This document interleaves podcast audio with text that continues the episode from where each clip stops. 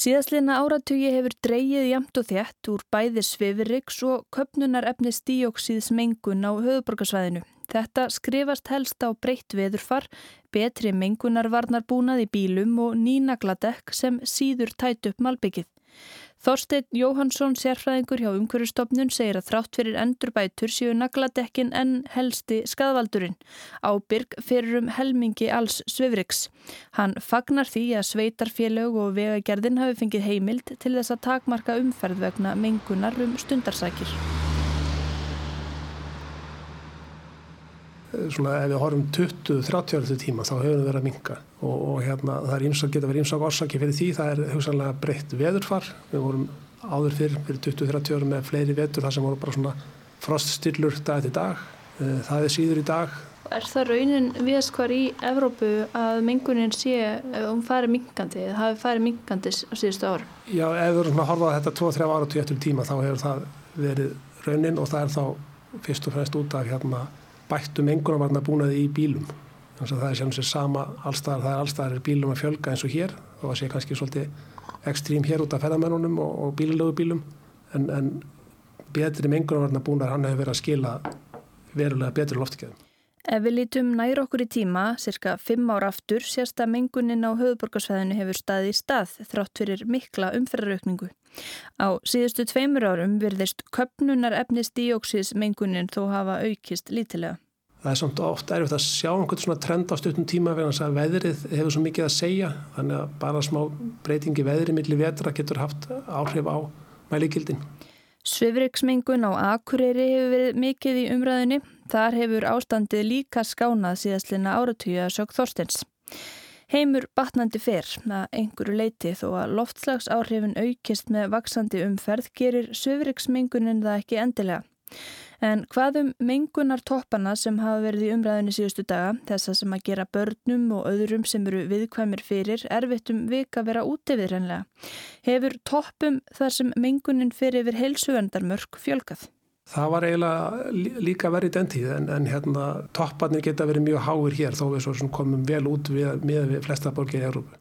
Síðustu dag hafa topparnir verið tvennskonar, annars vegar hefur styrkur köpnunarefnis dióksís sem kemur úr útblæstri mælst of hár. Þetta er mengun sem sapnast upp og myndar eins konar brúna sleikju yfir borgum og bæjum. Hins vegar er það svifrikið og það er alls konar, sódagnir í útblæstri, rík sem bílar þeita upp, moldarfók af fránkvöndasvæðum og tætt slitlag. Þessi mengun getur auki líkur á hjarta og æðasjúkdómum og hugsanlega Alzheimer. Því smerri sem agnirnar eru, því hættulegri eru þær og þær smæstu berast ekki einungis ofan í lungun, heldur komast inn í blóðrásina. Grófararík veldur líka álægi á lungun og þó mold sé ekki beintalinn hættulegt efni er vond að fá hann ofan í sig. Þorsteit segi mikilvægt að fækka mengunartoppunum og minka svifriksmengunar almennt því rannsóknir hafi sínt að þó mengunin fari ekki yfir helsuvendamörkin hafa hún áhrif á þá sem eru viðkvamir. Hann fagnar því að í nýjum umferðarlögum fái sveitarfélög og vegagerðin heimild til þess að takmarka umferð tímabundið en segir að heimildin hefði mátt koma fyrr. Fyrir 10-15 ára en það sem menn, eða lengri tíma þegar menn voru að gera svipa hluti í Európu, það er samt afgætt að fá þetta núna Í lögunum er hveð á um að takmarkaðunar séu tímabunnar þó ekki séu skilgreynd sérstök tíma mörg. Þá má einungis takmarka umferð til að bregðast við eða spórna gegn því að mengun fari yfir heilsuvendarmörg. Vega gerði eða sveitarfjörlög þyrtu að styðja slík ingripp með mæli niðurstöðum eða mengunarspám. Það hvernig takmarkanirnar eruðu útferðar er í höndum veghaldara hjá Reykjavíkuborg hófst þessi vinna við útferðsluna í gær. Í lögunum segir að takmarkanirnar gætu til dæmis falist í breytingum á hámarksraða, takmörkun á umferð stærri aukutækja eða því að takmarka almenna umferð með því að heimila tilteknum bifriðum akstur á ákveðnum svæðum eftir því hvort síðasta tala í skráninganúmeri væri 8 tala eða slett tala. Þorsteit segir að bílnúmers aðferðin hafi ekki alltaf reynst árangursrík. Það hefur verið svolítið umdelt það sem þetta hefur notað og ég er ekkert endilega vissum að það verði útfæslan hér. Menn á það kannski svolítið snúið á þetta með því að kaupa sér þá auka bíl, vera þá með bíla eh, annan með 8 tölu í endanúmer og hinn með slettu tölu. Í grunni þurfum við svolítið að, hérna, að huga því að minga umferðið ef við getum bæta alminnisamgöngur en, en svo umferð sem við sittum almennt uppi með þá sé ég hlumins freka fyrir með þetta að, minka hámasaða á þessum slæmi dögum. Það er að skila talsveit miklu og það er líka skila beint í hreinlega sliti á vegunum, naglat ekki slitið og svo mætti líka sjá fyrir sér að búa til einhvers konar svona low emission zone, svona lág útbástur svæði þar sem þá væri takmarku bíl, eða umferði eldri bíla sem uppfyrir ekki nýjastu mengunumvarnar kröfur. Slík svæði eru viða í Evrópu um 250 talsins og heita ímist lágútblásturssvæði, hreinsvæði, ofur lágútblásturssvæði eða nullútblásturssvæði. Það er engin samræmt skilgreining og kröfunar mistrángar en á lágútblásturssvæðum er ímist lagt bann við umferð aukutækja sem eru skráð fyrir ekkur tiltekið ár, eru yfir tilteknum þingdarmörkum eða ganga fyrir dísli. Nú eða rukkað fyrir að akast líkum tækjum inn á svæðið. Í miðborg London er ofur lág útblástursvæði sem að stendur til að stækka til mun árið 2021. Flest eru svæðin varanleg en það eru líka til svæði sem er breytt í lág útblástursvæði ef mengun fer yfir helsuvendarmörk. Þau gætu fallið að umferðarlögunum íslensku.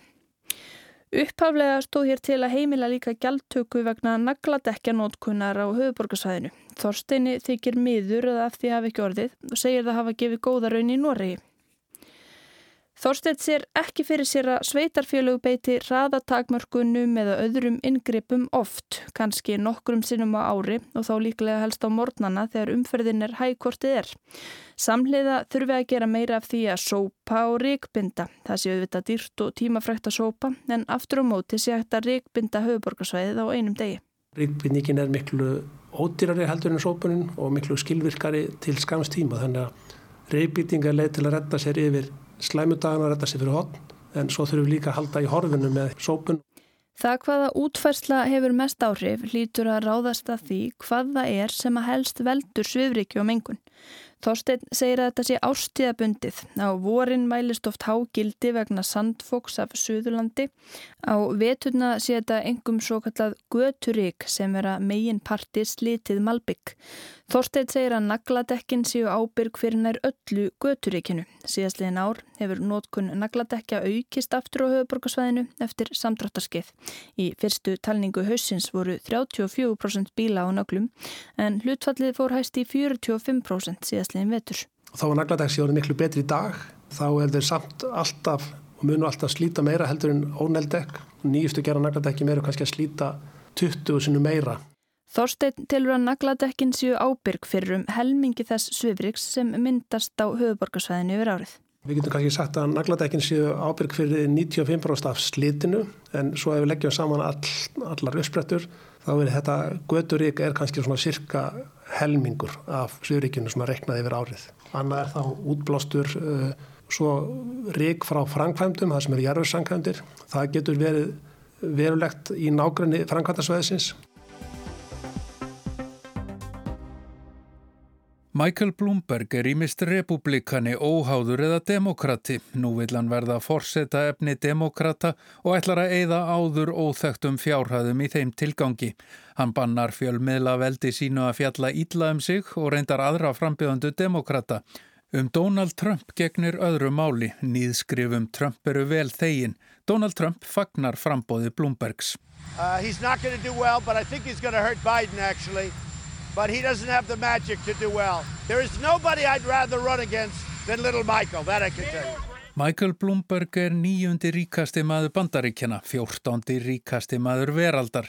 Hann var demokrati en skipti um flokk og var kjörinn borgarstjóri í New York borg fyrir republikana rétt eftir áráseitnar á tvíburatörnana 2001. Hann var borgarstjóri í þrjú kjörtímabil, fyrst fyrir republikana en síðar sem óháður. Í fyrra skráði hann sig aftur í demokrataflokkin og vill nú verða forsetta frambjöðandi þeirra. Bloomberg tilkynnti formlegum frambóðið á sunnudag og jafn framt um 31 miljónar dollara auglýsingaherferði í sjónvarpi. Aldrei hefur nokkur frambjóðandi eitt viðlíka uppæði auglýsingar á einni viku. Barack Obama átti fyrrametið í loka viku kostningabaráttu sinnar. Bloomberg borgar úr eigin vasa. Miljardamæringarnir Michael Bloomberg, Tom Steyer og Donald Trump hafa í sammenningu eitt tveimur af hverjum þremur krónum sem eitt hefur verið í kostningabaráttuna til þessa. Blumberg er óhrættur við að nota eigin fjölmiðla í eigin þáu. Á sunnudaginn sendi yfirriðstjóri Blumberg fréttaveitunar bref til 2700 bladamanna fyrirtækisins með þeim fyrirmælum að ekki mætti kafa eftir neinu misjöfnu um Blumberg sjálfan eða frambóð hans. Það má fjalla um kostninga baráttuna sem slíka en enga rannsókna bladamennsku um forseta frambíðandan og fjölmiðla eigandan. Reyndar gildi sama fyrir skipunum aðra frambjöðundur demokrata í forvalinu.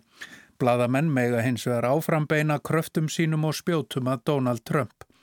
Það er stefna fjölmiðilsins að fjalla ekki með gaggrínum hætti um eigandan og frambjöðandan Bloomberg eða núverandi samflokksmenn hans í frambóði en allt er leifilegt gagvar Donald Trump. Blumberg hefur áður sagt að hann vilji ekki að bladamenn sem hann borgar laun skrifi ítlaðmann. Hann vilji ekki að þeir séu sjálfstæðir eða óháðir. Miljardamæringar eiga orðið flesta fjölmiðla. Rúbert Murdoch er gamalt og rótgróið dæmi en miljardamæringar hafa keift upp fjölmiðla í nafni manngæsku. Jeff Bezos eigandi Amazon á Washington Post, líftækni mógúdlin Patrick Soon-Siong á LA Times, stopnandi Salesforce Mark Benioff á Time tímaritið, Lawrence Powell Jobs fyrir með eiginkona Steve Jobs á Atlantic og John Henry á Boston Globe og reynda knaspinnunliði Liverpool einnig, svo fátt eitt sé nefnt. Fylgi Blumbergs hefur aðeins mælst um 2% í skoðanakönnunum, svo auglýsingaherferð hans þarf að breyta landslæginu ansi mikið. Hann þarf að ná 4% að fylgi til að komast í kappræður demokrata 12. desember. Blumberg hefur heitið því að taka ekki við neinum framlögum. Hann ætlar að fjármagna kostningabaráttu sína sjálfur með 500 miljóna dollara eigin framlægi. Það er brota brot af auðæfum miljardamæringsins Michael Blumberg. Pálmi Jónasson tók saman.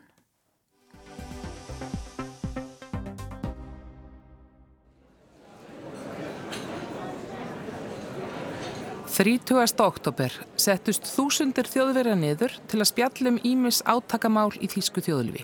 Spjallum dægin og vegin er í sjálfu sér ekki frásögur færandi en þetta var fólk sem hafi líklega aldrei hist áður og var parað saman í krafti þess að það var á öndverðu meiði þegar að koma nokkrum já eða nei spurningum. Spurningum eins og á að leggja meiri skatta á flugferðir, á ríkið að grípa frekar inn í fastegnamarkaði til að tryggja frambóða á viðráðanlegu húsnæði, eru aldraðir, dragbítar á henni yngri, á að sækjast eftir nánari tengslu við Rústland, lætur Þískaland austur þjóðveri að sig of litlu skipta, hafa konur, sömu tækifæra karlar, hefur ströymur innflytjenda dreigið úr öryggi í Þískalandi. Allt eru þetta spurningar sem hafa vakið hatrömm skoðanaskipti á ofnbjörnum vettvangi og samfélagsmiðlum. Mestur ágreiningur virðist vera um sambandi við rúsa því þar skiptust menn næstum til helminga. 52% vildu nánara samband en 48% ekki. Eða þá að þetta er það fjarlagt að það var næri tilviljun hvort hann sögðu já eða nei. Næstum 20.000 manns tóku þátt í könnundítsætt og skráðu líka postnúmeri sitt og örlítið um sjálfa sig. Tölva vann úr niðurstöðunum og paraði saman þá sem voru mest ósamála en byggu í seilingar fjarlað hvort frá öðrum.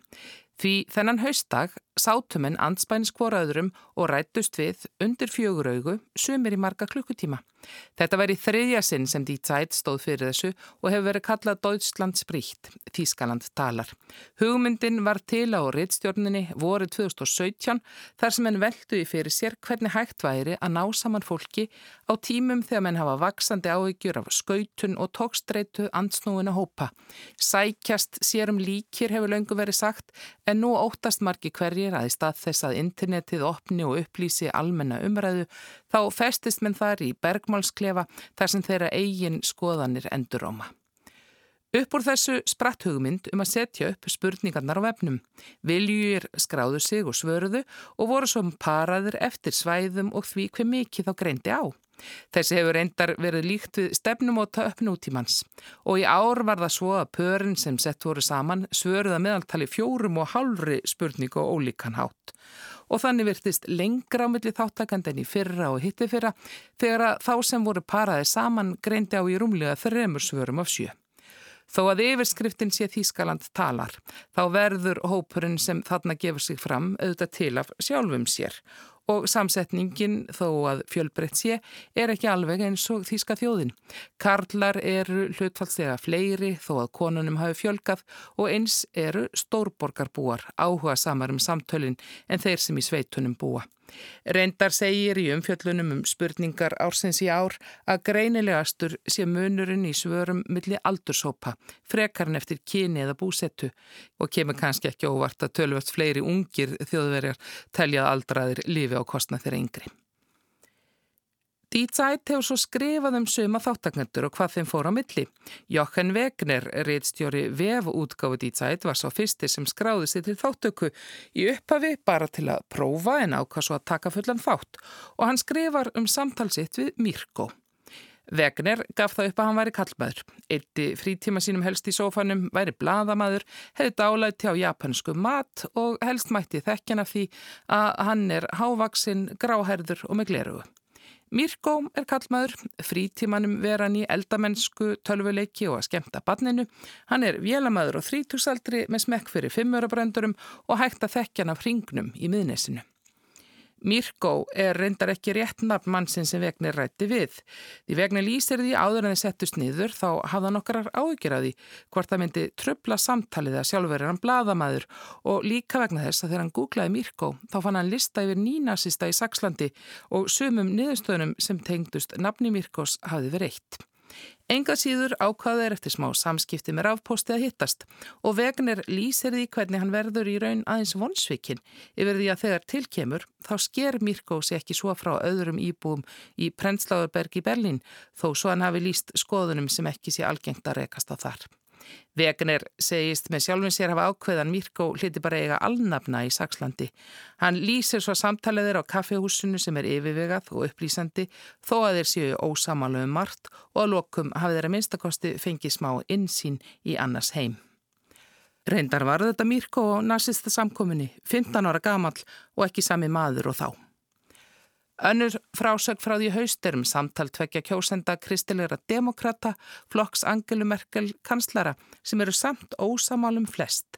Þar er það tókstreitan millir borgar og sveitar sem helst er áberandi. Konan býr í Leipzig og Karli Littluþorpi skamtar frá. Félagsvísindamæðurinn Armin Falk hefur gert könnun meðal þáttakanda í samfaraðanum og komist að því að þær hafa nokkur áhrif á skoðinni þeirra sem taka þátt. Viðmælendur nálgast hver annar nokkuð en segir alltaf verið til fólk sem tekur mjög harða og öfgakenda afstöðu. Auðvitað verður líka taka til til þess að þeir sem á annað borð eru tilbúinir að setjast niður til samtals eru líklega opnari en þeir sem halda sér fast í jábræður sína og sýstur. Falk segir að það sem skiptir mestu sé að fólk sé tilbúið að hlusta og það að hlusta sé að vel mikilvægara en að tala. Flokkadrættir sé ekkit nýtt í þýsku samfélagi menn geti horta aftur til þriðja og fjórða ára töga síðustu aldar en á undanförnum árum þá hafi aðgreining aukist. Bil millir austurs og vesturs, ungra og gamalla, ríkra og fátækra, mentaðra og ómentaðra hafi vaksið. Það sé minni blöndun í hverfum en áður var og þeim sem hafi minni tekjur hafi til dæmis verið ítt út úr miðborgunum. Og til að tryggja félagslega samhældin þá verði samfélagið að bjóða upp á vettvang þar sem fólkur ólíkum áttu mætist. Falk nefnir reynda til sögunar herrþjónustu sem ekki sé lengur skilda þar sem áður hafi hist fólk af ólíkum uppruna og ólíkum bakgrunni.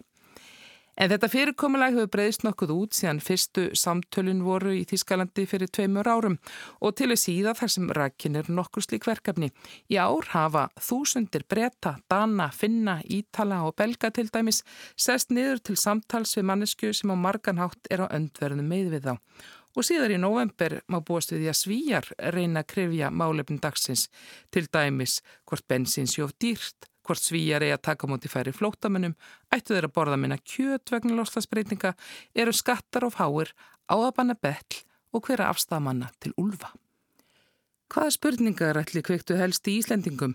Líklega væru þær svipaðar, valla ulfaveðar en kannski kvóti.